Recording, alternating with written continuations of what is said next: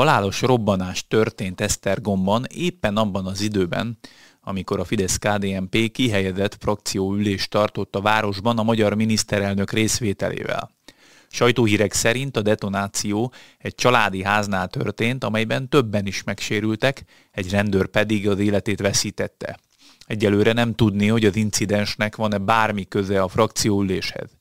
Üdvözlöm Önöket, a mikrofonnál Kulifai Máté. Ebben a podcast sorozatban rendkívüli cikkek és hírek hátterét igyekszem megvilágítani. Ha kíváncsi a folytatásra, kérem iratkozzon fel a YouTube csatornára, és állítsa be az értesítéseket a csengőgomb megnyomásával. Rendkívüli hírként közölte az M1 esti híradója, hogy robbantottak szerdán kora este Elsztergomban. A sajtóértesülésekre hivatkozva a híradó arról tájékoztatott, hogy a város külkerületi részére kellett kivonulniuk nagy erőkkel, a rendőrségnek és a tűzoltóságnak is egy családi házhoz. Vélhetően robbantással történő fenyegetőzés volt a kiváltó ok.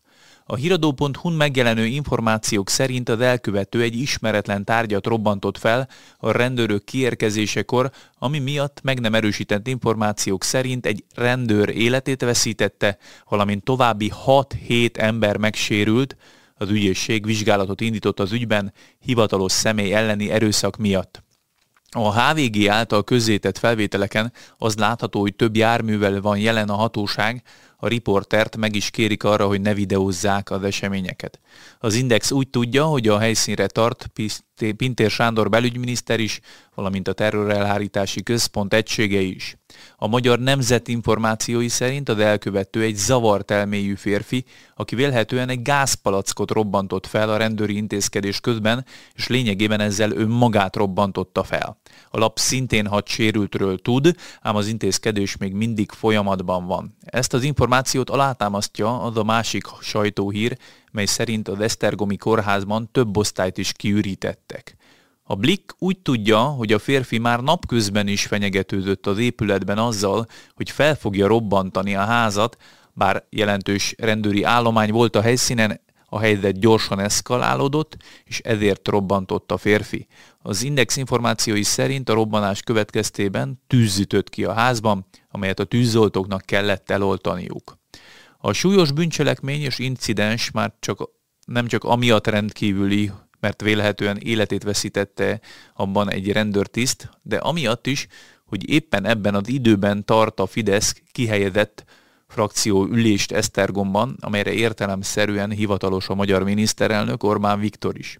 Az ülést egyébként a Grand Hotelben tartják, ahol néhány tüntető is várta a kormányfőt, egyikőjük tábláján azt lehetett olvasni, hogy Magyarország diktatúra O1G. Az esemény miatt egyébként nagy a rendőri jelenlét a helyszínen, kordonokkal zárták el a bejáratot, sok résztvevő egyenesen a mély garázsba gurult be. Közben a miniszterelnök a Facebook oldalán egy rövid posztot tett csak közzé az este folyamán, üzenjük Brüsszelnek felirattal.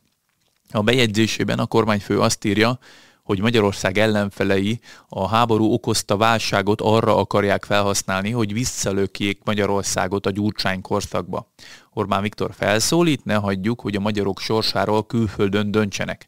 A frakció ülésről Kocsis Máté, a nagyobbik kormánypárt frakció vezetője adott előzetesen tájékoztatást. Ő a posztjában arról írt, hogy az elmúlt időszakban a brüsszeli elit dühítő és rossz döntéseket hozott, és háború pártiságával veszélyezteti Európa biztonságát, elhibázott szankcióival, energiaválságot és gazdasági visszaesést idézett elő, ezért a jövő évi európai parlamenti választásokon változást kell elérni szerinte. A frakció vezető pontokba is szedte, hogy mit ért változás alatt, ez szerint békepárti vezetés kell Brüsszelben háborúpárti helyett, a szankciókat meg kell akadályozni, sikeres gazdaságot kell teremteni, és békét kell teremteni a határoknál, valamint támogatni kell a családokat, és a kettős mércét pedig meg kell szüntetni.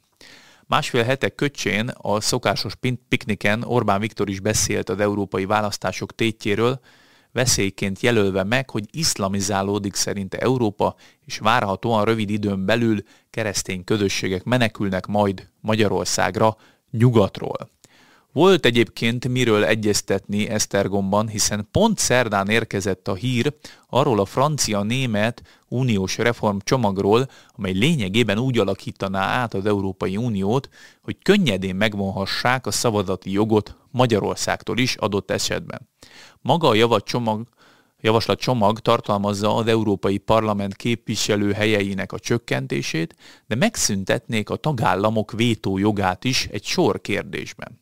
Fontos megjegyezni, hogy a javaslat tervet állítások szerint független szakértők írták, hivatalosan nem tekinti saját álláspontjának sem Berlin, sem Párizs, de mégis a kormányok nevében lett előterjesztve. A Válasz online a cikkében részletezett tervben többek között az szerepel, hogy bizonyos jogsértéseket követően egy ország már nem maradhat az Európai Unió tagja valamint sokkal keményebb büntetési rendszerré fejlesztenék az elhíresült hetes cikkei szerinti eljárást.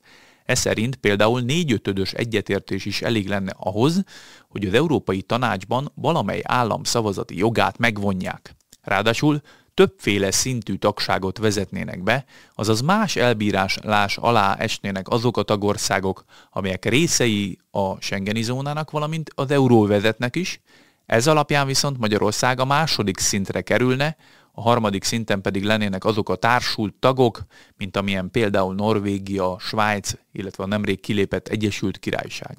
Ezt az opciót egyébként Emmanuel Macron, francia államfő találta ki, hogy így katonai és külpolitikai szövetséget tudjon ajánlani az Európai Unión kívüli országoknak is.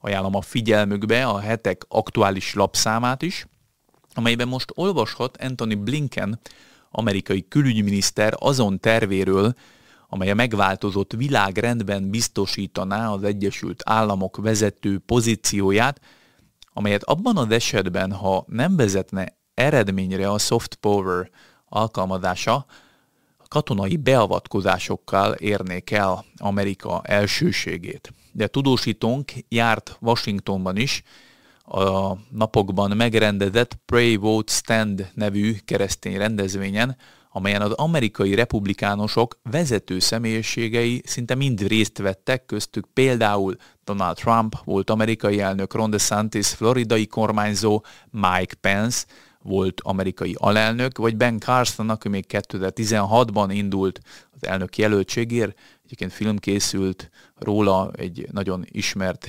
szívsebész, utóbbi kettő egyébként válaszolt is lapunk megkereséseire vagy kérdéseire az előadásokban elhangzottakkal kapcsolatosan. Írtunk arról a rendkívül tanulságos apakutatásról is, amely azt vizsgálta, hogyan változtak meg a szerepek a családban Magyarországon az elmúlt években. A hit is értékek rovatunkban a közelgő Jom Kippur ünnepéről írtunk jeruzsálemi beszámolót, de találnak cikket arról is, hogy milyen intenzív erőfeszítéseket tesz a vallások négy fal közé száműzésére a francia kormány. A lapot kérje az újságárusító helyeken, vagy rendelje meg a hozzáférését a hetek.hu per előfizetés oldalon. Köszönöm a figyelmüket, ha tetszett ez a podcast, kérem iratkozzanak fel a YouTube csatornára, és állítsák be az értesítéseket a csengőgomb megnyomásával. Ha szeretnék támogatni további podcastjaink elkészültét, ezt is megtehetik a videó alatti sávban található köszönetgomb megnyomásával, egy tetszőleges összeget kiválasztva. Előre is köszönünk minden felajánlást, vigyázzanak magukra!